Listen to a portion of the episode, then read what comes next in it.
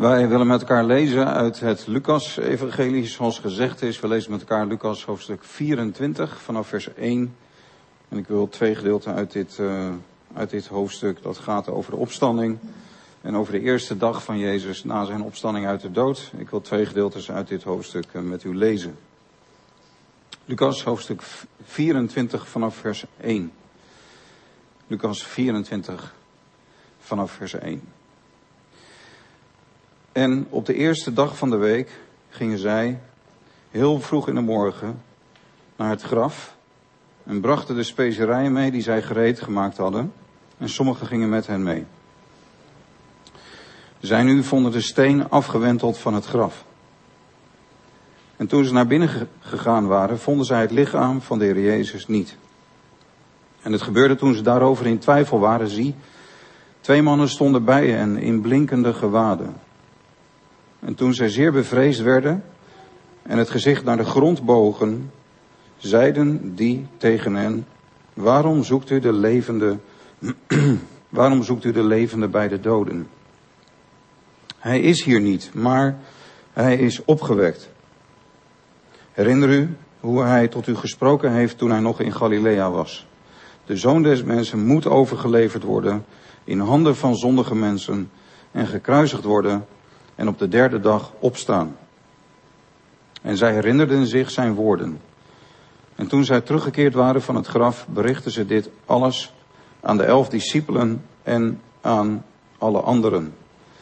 En het waren Maria Magdalena, Johanna en Maria de moeder van Jacobus en de anderen die bij hen waren, die dit tegen de apostelen zeiden. En hun woorden leken, en, leken hun kletspraat en ze geloofden hen niet.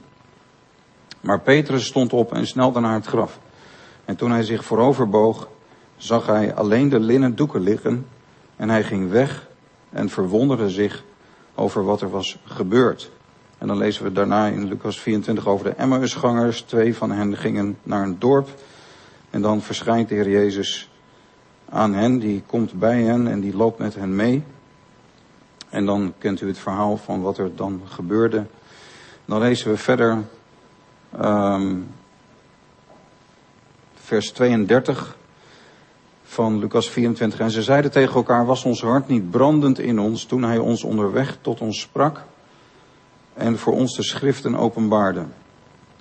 En op datzelfde moment stonden zij op en keerden terug naar Jeruzalem. En vonden de elf discipelen en hen die bij hen waren bijeen.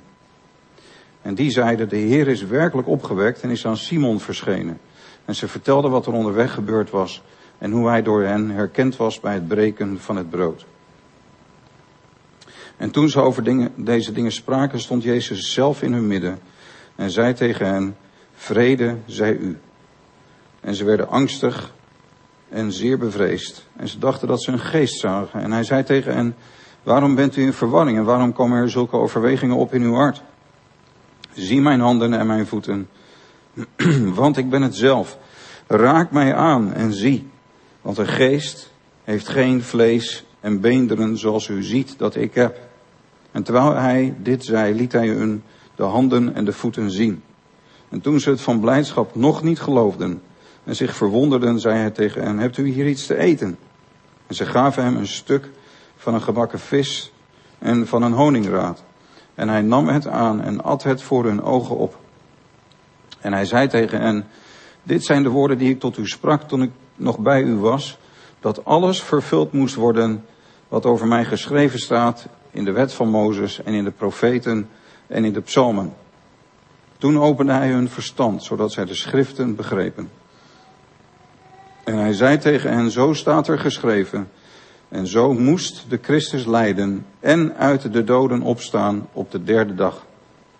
En in zijn naam moet onder alle volken bekering en vergeving van zonden gepredikt worden, te beginnen bij Jeruzalem.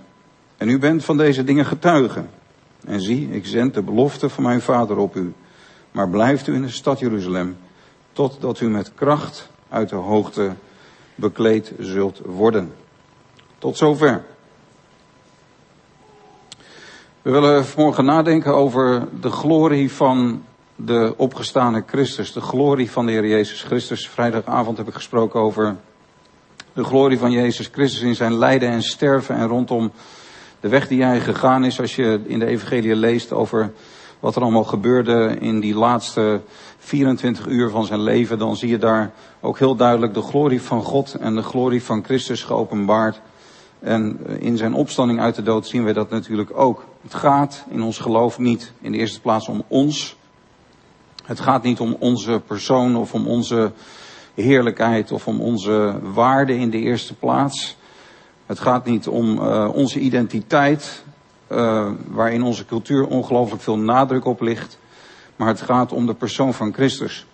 En daarom is het zo goed om over Hem na te denken, over Jezus Christus en wie Hij is. En geloven heeft ook alles te maken met afzien van jezelf. Niet meer kijken naar jezelf, niet meer vertrouwen op jezelf. Maar, en ook niet meer naar binnen kijken, maar naar buiten kijken, naar Christus kijken. Zie op Christus, zie op Hem. En als we dan zijn glorie zien, ook in zijn opstanding uit de dood.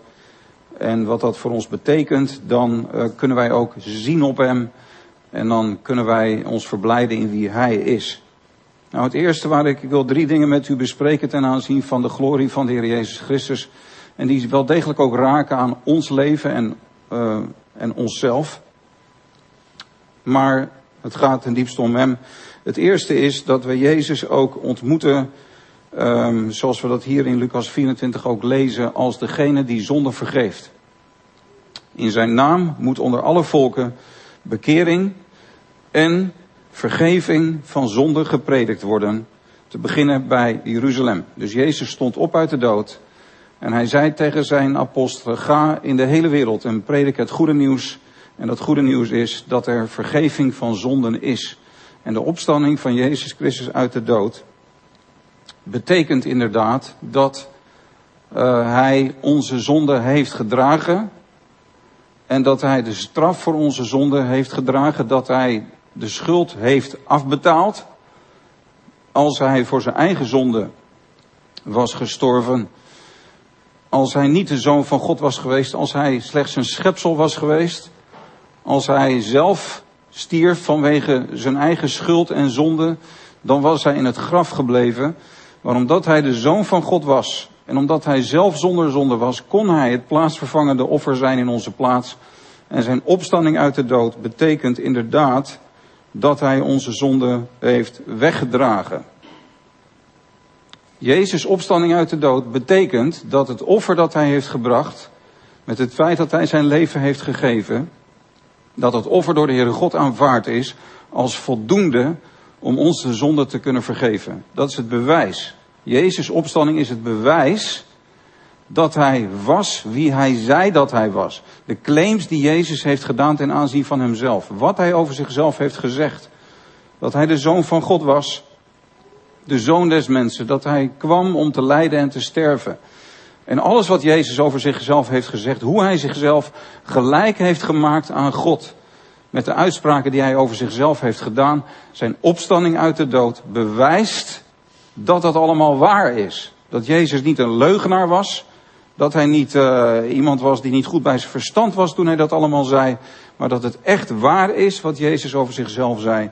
En dat betekent dat het ook waar is dat hij waardig was om onze zonde te dragen aan het kruis.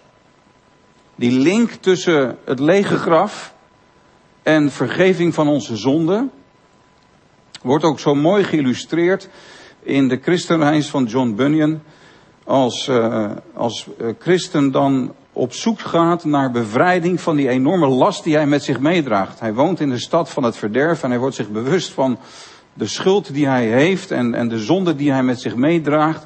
En dat wordt geïllustreerd door Bunyan met uh, christen die dan op, op weg gaat. Hij gaat weg uit de stad van het verderf.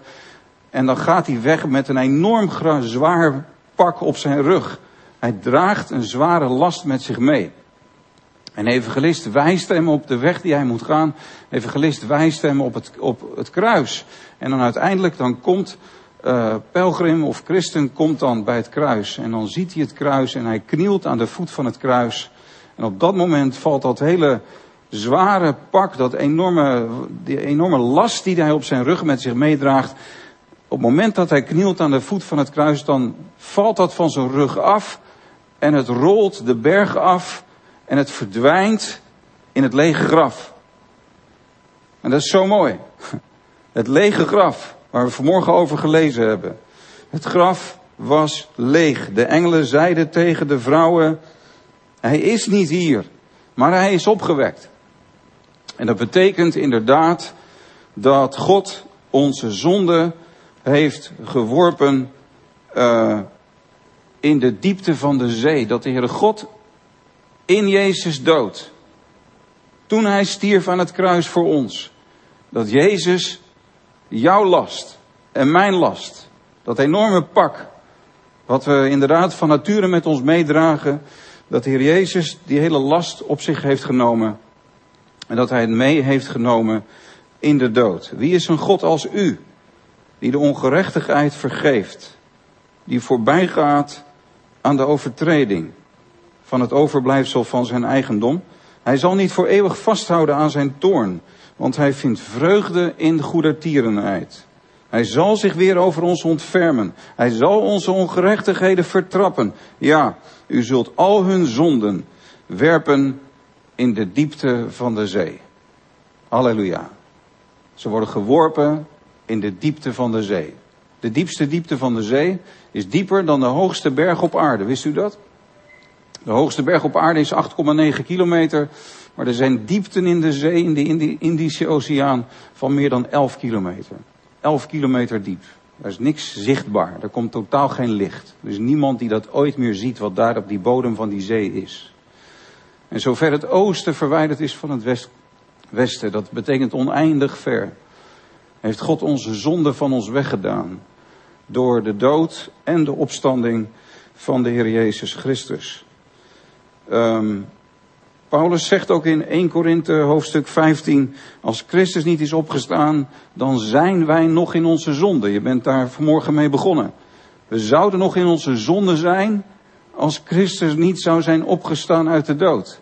Maar dat betekent dus, nu Christus wel is opgestaan uit de dood, wij zijn niet meer in onze zonden. Maar we zijn door Christus gerechtvaardigd. Ik heb kort geleden vorige week zondag gesproken over Zacharia 3. Waar Jozua, de hoge priester, die een, ja, eigenlijk staat voor het volk Israël. En als er één rein zou moeten zijn, dan is dat de hoge priester van Israël. Maar Jozua, de hoge priester, staat niet rein voor de Heer.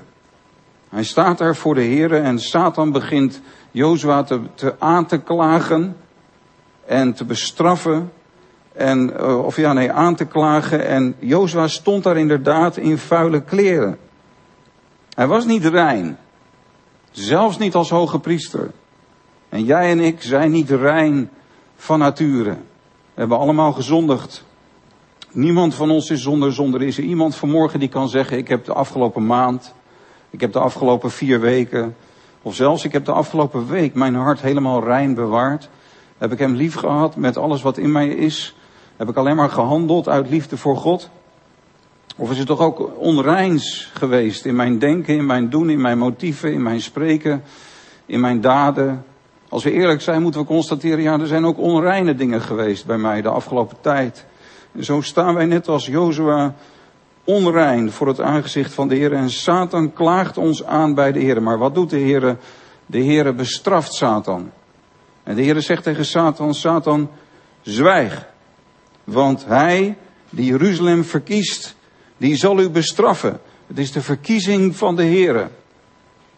Het is de beslissing van de Heere God. En dan staat er dat de Heere tegen zijn engelen zegt, trek hem de vuile kleren uit. En daarop zei hij tegen Jozua, zie, ik heb uw ongerechtigheid van u weggenomen en ik zal uw feestkleren aantrekken. Prachtig beeld van de rechtvaardigmaking. Door de opstanding van Jezus is dat mogelijk.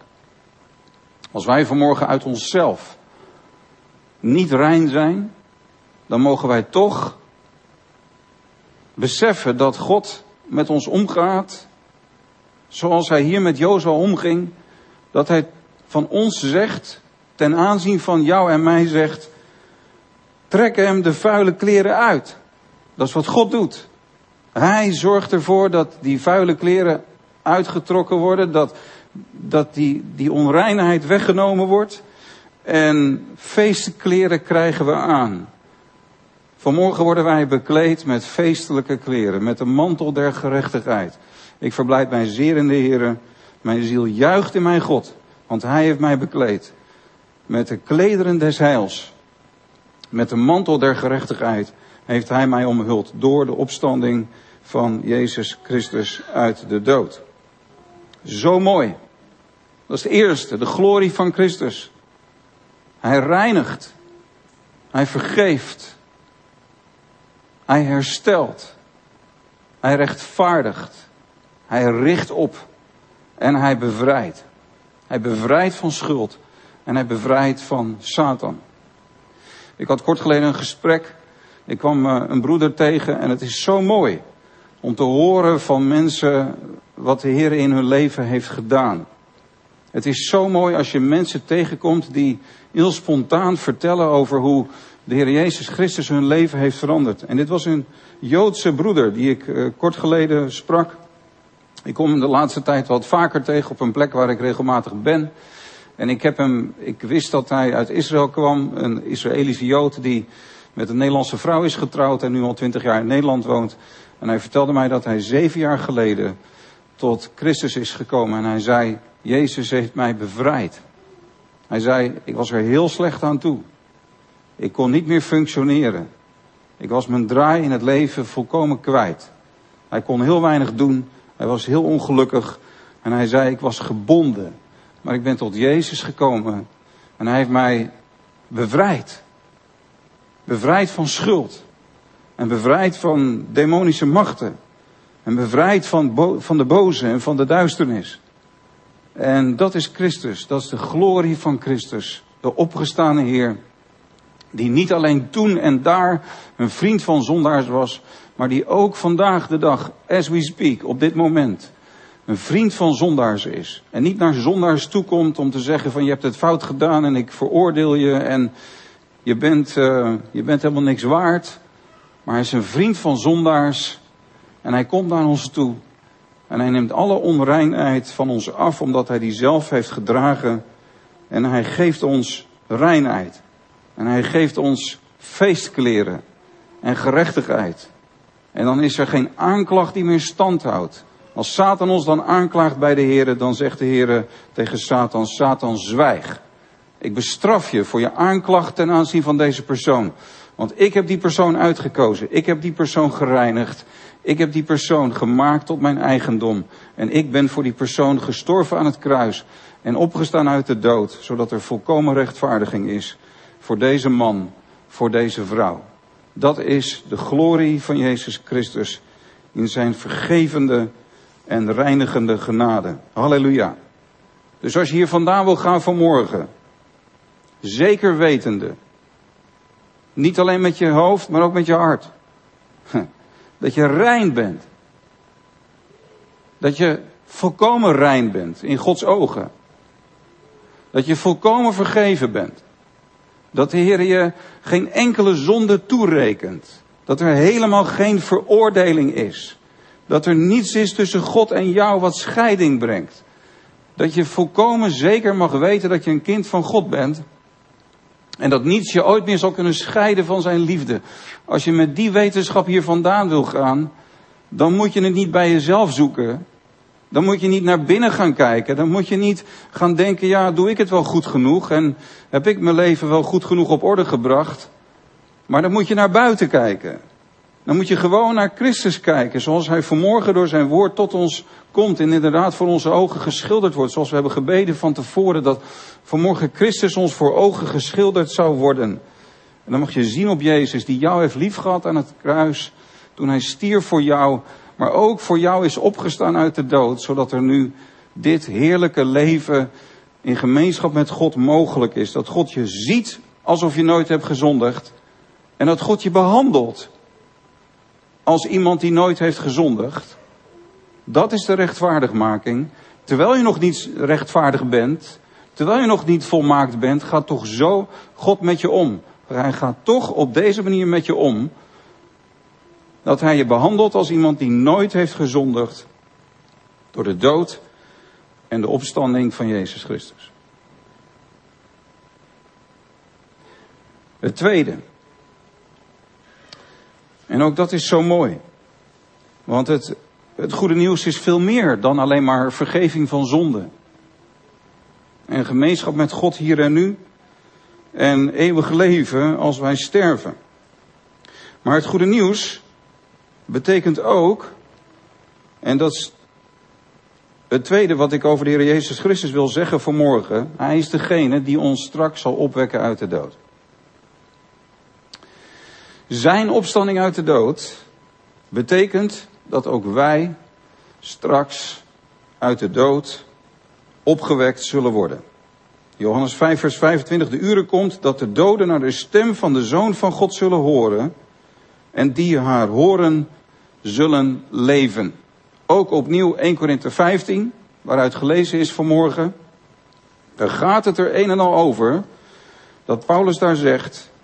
Als nu van Christus gepredikt wordt dat hij uit de doden is opgewekt, hoe kunnen sommigen onder u dan zeggen dat er geen opstanding van de doden is? En Paulus heeft het in 1 Korinthe 15 niet over onze geestelijke opstanding uit de dood. Hij heeft het er niet over dat als wij tot geloof komen, wat ik net heb gezegd ook, dat je op hem gaat zien en dat je in hem gaat geloven en dat je dan vergeving van zonde ontvangt. En dat er dan hier en nu nieuw leven is. Ja, dat is je geestelijke opstanding uit de dood. Dat is je geestelijke wedergeboorte. Maar in 1 Corinthië 15 gaat het daar niet over. Daar gaat het over de lichamelijke opstanding die gaat komen. En het frappante is, en ik weet niet hoe u dat behoort als ik dit zeg, en ik weet niet wat u daar zelf van vindt, maar mijns inziens leeft dat niet zo onder christenen. Ik heb het vanmorgen eigenlijk ook, nog in het bidden van tevoren met de broeders, nog in deze dienst, op enige wijze gehoord. Er wordt weinig nagedacht en gesproken en ook weinig verblijding is er ten aanzien van het feit dat wij straks ook lichamelijk opgewekt zullen worden uit de dood. Het lijkt wel alsof we daar een bepaalde verlegenheid mee hebben. En ik denk dat dat komt door de vervangingstheologie. Dat wij zijn gaan denken dat wij het geestelijke Israël zijn. En dat we te weinig zicht hebben op Gods handelen op aarde. Hier en nu. En dat er een link is tussen het Griekse denken, de vervangingstheologie. Waardoor we een te hemels beeld hebben van de verlossing. En te weinig nadenken over wat er nog op aarde zal gaan gebeuren. Maar Paulus is er heel duidelijk over. Inderdaad, natuurlijk in 1 Korinthe hoofdstuk 15. Als Christus is opgewekt uit de doden, hij is de eersteling geworden van hen die ontslapen zijn. Wat is het idee van de eersteling? Dat is dat um, de eersteling, dat is de eerste opbrengst van de oogst. Ik weet niet of er agrariërs in ons midden zijn vanmorgen, akkerbouwers. Maar als je op een gegeven moment gaat oogsten, en zeker in die tijd, dan haalden ze de eerste schoven koren of graan van het land. En ze keken naar die eerste schoven die van het land kwamen. Of de allereerste schoof. En als die goed was, hè, dat zegt Paulus ook in 1 Korinthe of in Romeinen 11, als de eersteling goed is, dan is de rest van de oogst ook goed. Dus als je een prachtige eerste schoof van het land haalt, en je zegt dat is schitterend koren, schitterend graan, dan weet je dat het hele land vol staat met schitterend koren.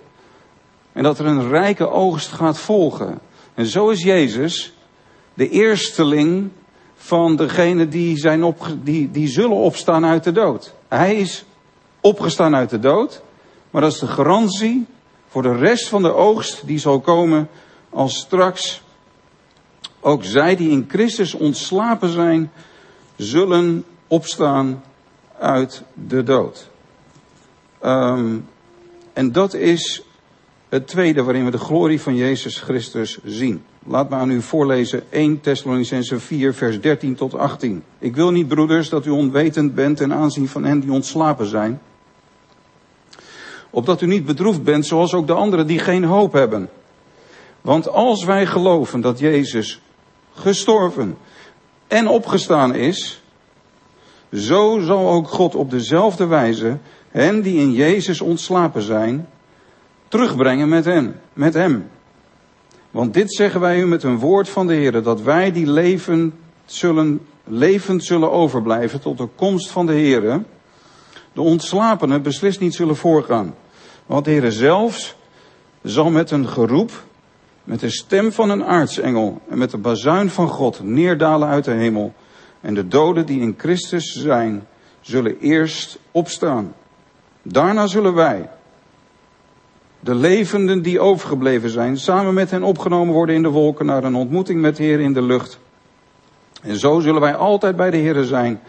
Zo dan, troost elkaar met deze woorden. Paulus heeft het hier over de wederkomst van de Heer Jezus Christus.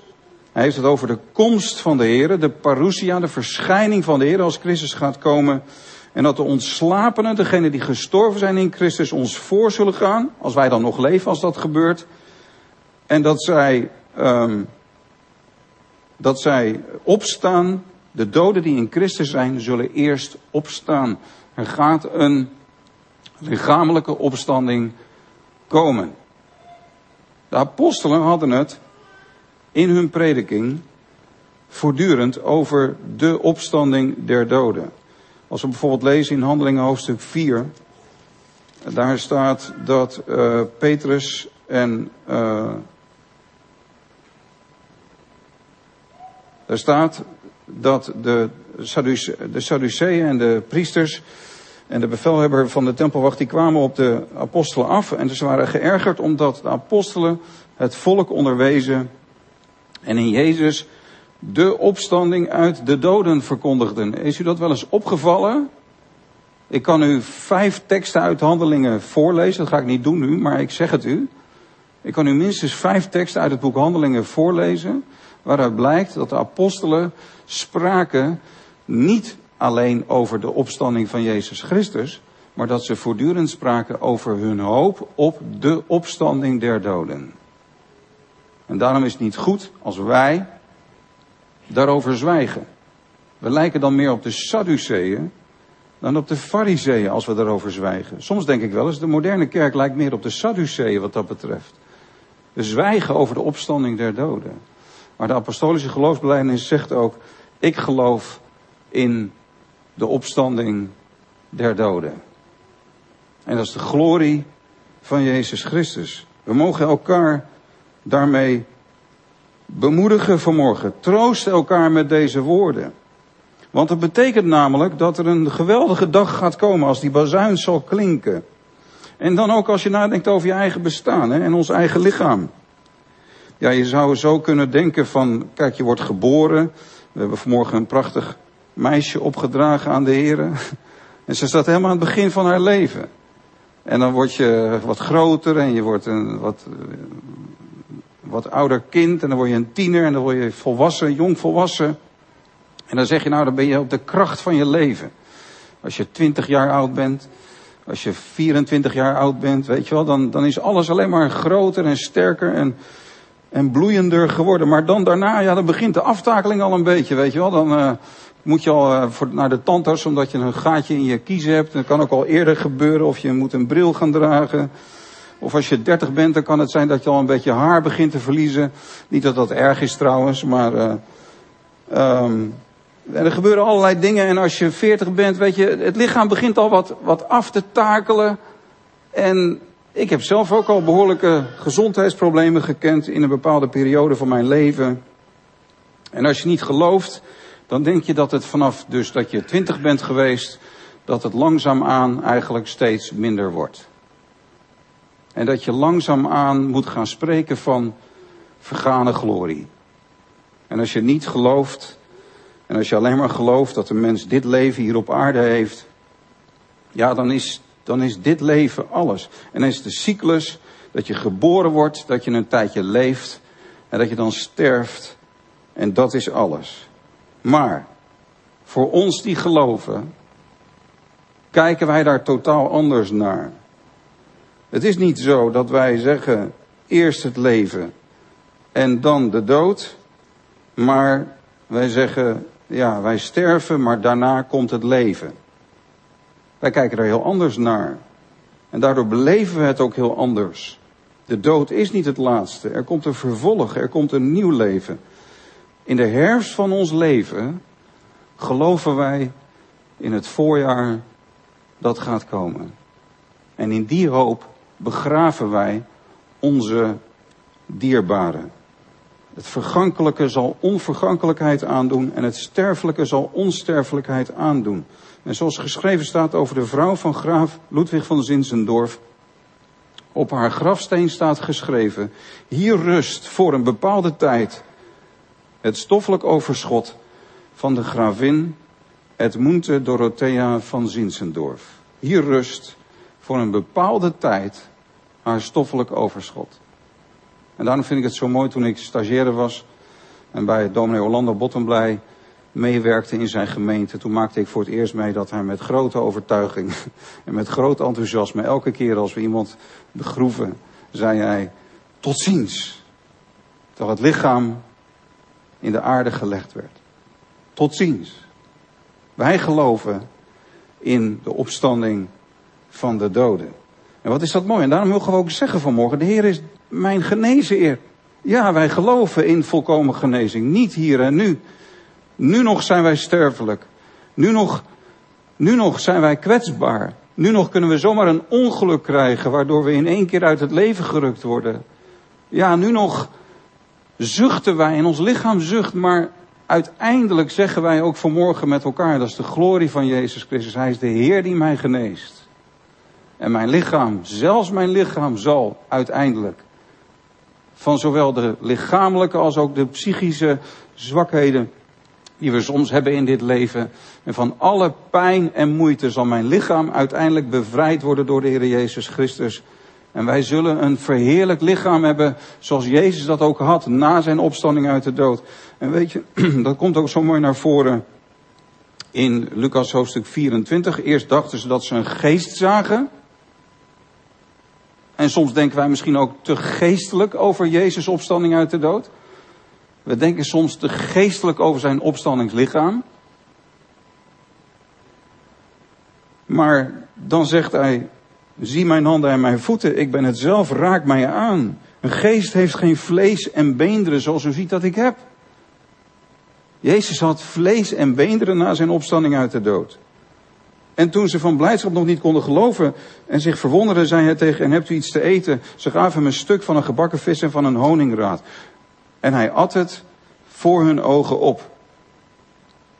Het opstandingslichaam van Jezus was een verheerlijk lichaam, maar het was niet een onlichamelijk lichaam. Het was een lichamelijk lichaam. Het graf was echt leeg. Echt leeg. Zijn lichaam is echt opgestaan uit de dood. Als het alleen maar een geestelijke verschijning zou zijn geweest, dan zou zijn lichaam nog in het graf liggen. Maar het was niet alleen een geestelijke verschijning. Hij is lichamelijk opgestaan uit de dood. En dat is wat de Bijbel leert. Dat ook ons lichaam op zal staan uit de dood. Wij zijn dus ook een lichaam. Hè? In sommige antropologieën die je in het christendom soms tegenkomt, of in bepaalde, door bepaalde christenen of leraren wordt dat gezegd. Je bent een geest, je hebt een ziel en je woont in een lichaam. Dat is onzin. Je woont niet alleen in een lichaam. En je hebt niet alleen een ziel. Je bent geest, ziel en lichaam. Je bent ook een lichaam. De mens is een eenheid.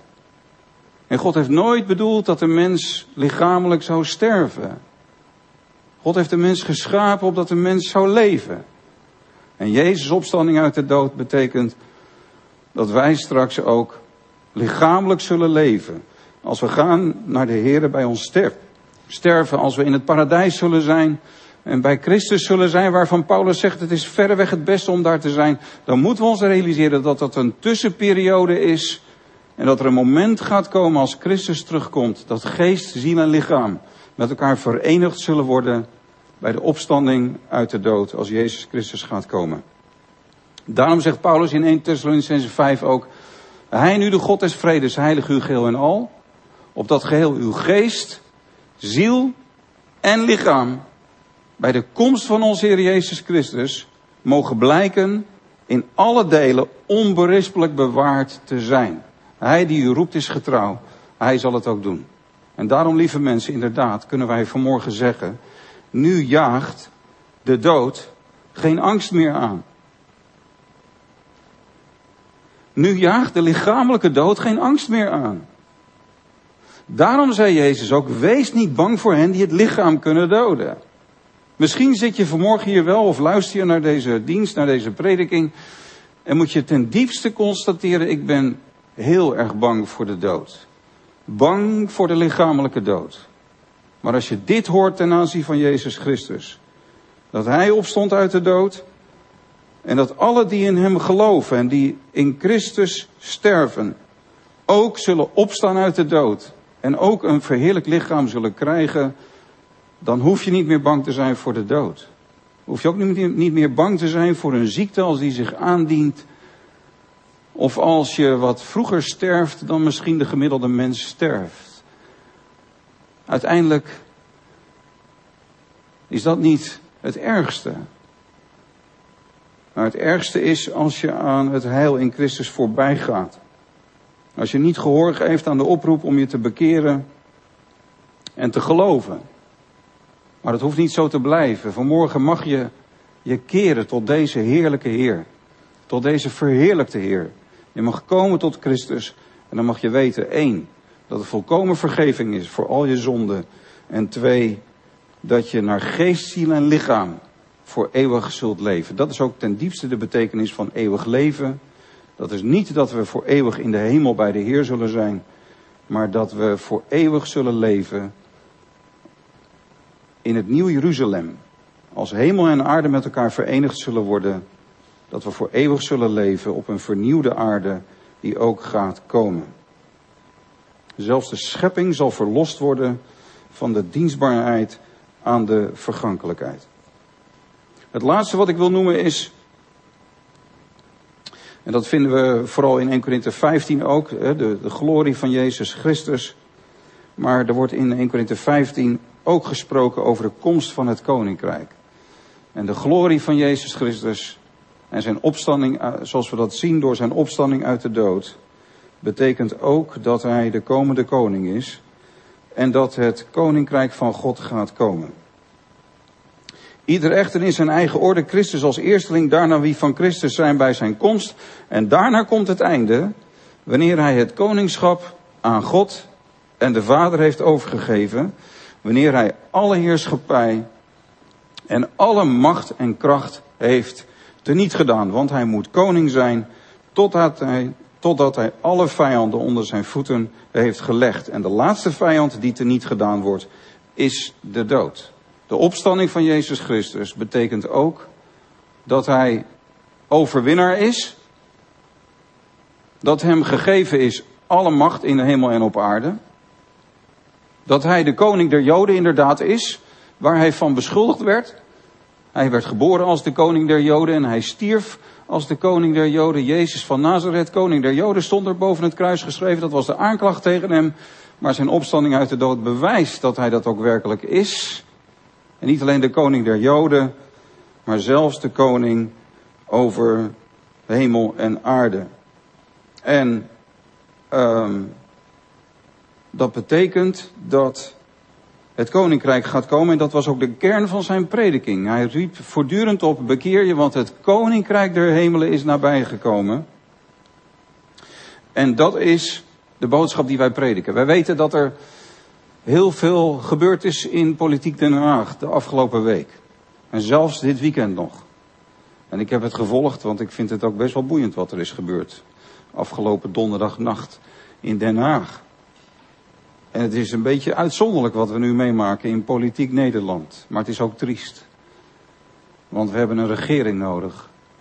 En we hebben een goede regering nodig. En we hebben een slagvaardige regering nodig in de crisis, in de crisis waar we mee te maken hebben in ons land. Maar als we dan vanmorgen nadenken over de Bijbel. We denken na over het evangelie. En over de persoon van Jezus Christus. Dan beseffen we dat wat er in Den Haag gebeurt ja, natuurlijk wel relevant is, maar werkelijk zo onbetekenend is in het licht van de wereldgeschiedenis. En dan is dat waar we vanmorgen met elkaar over nadenken vanuit het eeuwigdurende woord van God, is zo oneindig veel waardevoller en zo eindig, oneindig veel betekenisvoller. En dan worden we bij bepaald dat er maar één koning der koningen is. En maar één machthebber is met een hoofdletter in deze wereld. Maar één eeuwige koning is. Wiens heerschappij is van eeuwigheid tot eeuwigheid. En wiens koninkrijk aanstaande is. En dat er, we worden erbij bepaald dat de koninkrijken van deze wereld, ook het koninkrijk der Nederlanden, zal worden. Het koninkrijk van onze God en van zijn Christus. En dat Christus terug gaat komen. En dat hij zal regeren op aarde. En dat er een koninkrijk van vrede en gerechtigheid gaat komen. Waarin er met alle crisissen die er zijn in deze wereld afgerekend zal worden. En waarin de leeuw met het lam zal verkeren. Waarin er werkelijk vrede zal zijn onder de mensen. Waarin de volkeren hun wapentuig zullen vernietigen. En dat zullen ombouwen tot agrarische werktuigen. Waarin er geen oorlog meer zal zijn. De Bijbel zegt dat er een tijd gaat komen dat de volkeren de oorlog niet meer zullen leren. En dat de aarde vervuld zal zijn van de kennis des Heren, zoals de wateren de zee bedekken. Er gaat een tijd komen dat zij mij alle zullen kennen, van de jongste tot de oudste, zegt de Bijbel. De Bijbel spreekt over een glorietijd die op aarde gaat aanbreken. Waarin Israël ook een belangrijke rol zal spelen. Daarom is het herstel van Israël in onze tijd zo belangrijk om dat te beseffen, maar ook zo hoopgevend voor ons als christenen. Het herstel van Israël in deze tijd is een krachtig teken van de spoedige wederkomst van de Heer Jezus Christus. En Jezus' opstanding uit de dood betekent dat zijn koninkrijk spoedig gaat komen. We bidden ook dagelijks uw koninkrijk komen. Als Jezus nog dood zou zijn, dan zouden we deze boodschap niet met overtuiging kunnen prediken. Dan is het nonsens om te zeggen dat Jezus gaat komen. Als Jezus nog in het graf zou liggen. Als het een fabeltje zou zijn dat Jezus zou zijn opgestaan uit de dood. Hoe kunnen we dan ooit prediken dat er hoop is voor deze wereld? En dat inderdaad dat koninkrijk van God zou gaan komen? Maar het is wel waar. Hij is inderdaad opgestaan uit de dood. En uh, wij hebben hoop op die wederkomst. Prijs de Heer, Jezus leeft. Het koninkrijk gaat komen. Dat betekent, lieve mensen, dat de geschiedenis ergens naartoe op weg is. Het leven is niet doelloos. Het leven is niet betekenisloos. De geschiedenis zal niet altijd doorgaan. Het is niet zo dat het alleen maar ijdelheid der ijdelheden is. Alleen maar lucht en leegte, zoals prediker Salomo op het einde van zijn leven zegt. Waarin hij soort zit te mijmeren over het leven. Ja, er verandert uiteindelijk toch niks in deze wereld. Maar dan redeneert hij met een gesloten wereldbeeld. Dan zit hij als het ware in een hut zonder een dak, zonder een gat in het dak om naar boven te kijken.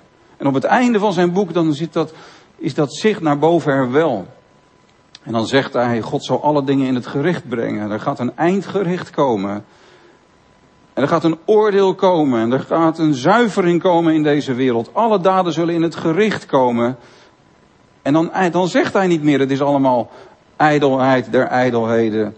Maar dan zegt hij, we zijn ergens naartoe op weg. De rechter gaat komen, de rechter der gehele aarde. Hij zal de schapen van de bokken scheiden. Hij zal zijn dorsvloer zuiveren.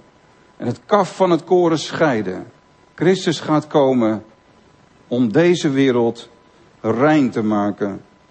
En daarom alles heeft zin. En daarom zegt Paulus ook aan het einde van 1 Korinthe 15.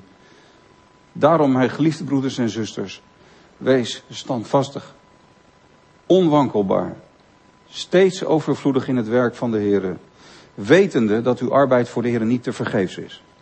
Want het koninkrijk gaat komen. Christus gaat komen. En er gaat een rechtvaardig oordeel komen. Wij leven niet als mensen die zeggen laten we eten, drinken en vrolijk zijn, want morgen sterven wij. We leven niet als mensen die zeggen, dit is alleen het enige, het leven. Ja, het is vele leven op die manier. Lang leven de lol. Je leeft maar één keer. YOLO. You only live once. Maar zo denken wij niet. Nee. We hebben een veel prachtiger perspectief. En uh, we zijn op weg naar de wederkomst. De tent van God zal bij de mensen zijn. Hij zal alle tranen van onze ogen afwissen. En uiteindelijk zal hij alle dingen nieuw maken. Zie, ik maak alle dingen nieuw. Dat is de hoop die wij hebben. Wij zijn door de opstanding van Jezus Christus wedergeboren tot een levende hoop. En ik hoop dat u nu iets meer ziet van de glorie van Jezus Christus. Het is zo heerlijk om erover te spreken. Wat een rijk evangelie. Wat een antwoord op onze nood. Op onze existentiële nood. Wat je nodig hebt is vergeving. En Jezus, Christus, is de vergever van zonde. Wat je nodig hebt is de zekerheid dat je niet verloren zult gaan. Dat je niet dood zult gaan en dat zal het zijn. En dat het alleen maar, naarmate je ouder wordt, meer en meer vergane glorie is. Helemaal niet. Nee, wat je nodig hebt is wetende, dat je mag weten bedoel ik, dat je zult leven. Ook lichamelijk zult leven. En wat we ook nodig hebben is een besef van zin. Een besef van betekenis. Alles wat ik doe heeft betekenis. Alles wat ik doe is niet voor niks. De mooie dingen die ik meemaak, maar ook de moeilijke dingen die ik meemaak. De successen, maar ook het falen. De vreugde, maar ook het verdriet. Het is niet allemaal zinloos. Wat we nodig hebben is een diep innerlijk gevoel van betekenis. Wat de zin van je leven is. Dat het leven zin heeft. Dat je leven betekenis heeft. En dat alles is ook wat wij gaan weten door de ontmoeting van Jezus Christus, die ook onze komende koning is. Jezus Christus is opgestaan uit de dood. Vanmorgen mag ik het tegen u zeggen en zo groeten wij elkaar ook deze morgen. De Heere is waarlijk opgestaan. Jezus Christus leeft en wij met hem. En we mogen ons ten zeerste verblijden in zijn geweldige liefde voor ons. In zijn blijvende trouw aan ons. In zijn onverdiende genade. En we mogen ons verblijden in zijn nooit volprezen glorie. We hebben hem nog maar een heel klein beetje leren kennen. We zijn nog lang niet uitgekeken op Jezus Christus. Hij is nog veel groter en veel heerlijker dan we ons ooit hebben gerealiseerd. En mijn woorden vanmorgen schieten gigantisch tekort om zijn glorie te beschrijven. Maar ik hoop dat u vanmorgen iets proeft van zijn glorie en dat u van binnenuit zegt, Heer Jezus, hier ben ik. Ik geef mijzelf aan u. U heeft zich voor mij gegeven. Ik geef me aan u dat je tot Christus komt en dat je mag weten dat al deze heerlijkheid en deze geweldige hoop ook voor jou is. Halleluja. Amen. Laten we samen een kort moment van gebed hebben en dan gaan we nog samen zingen.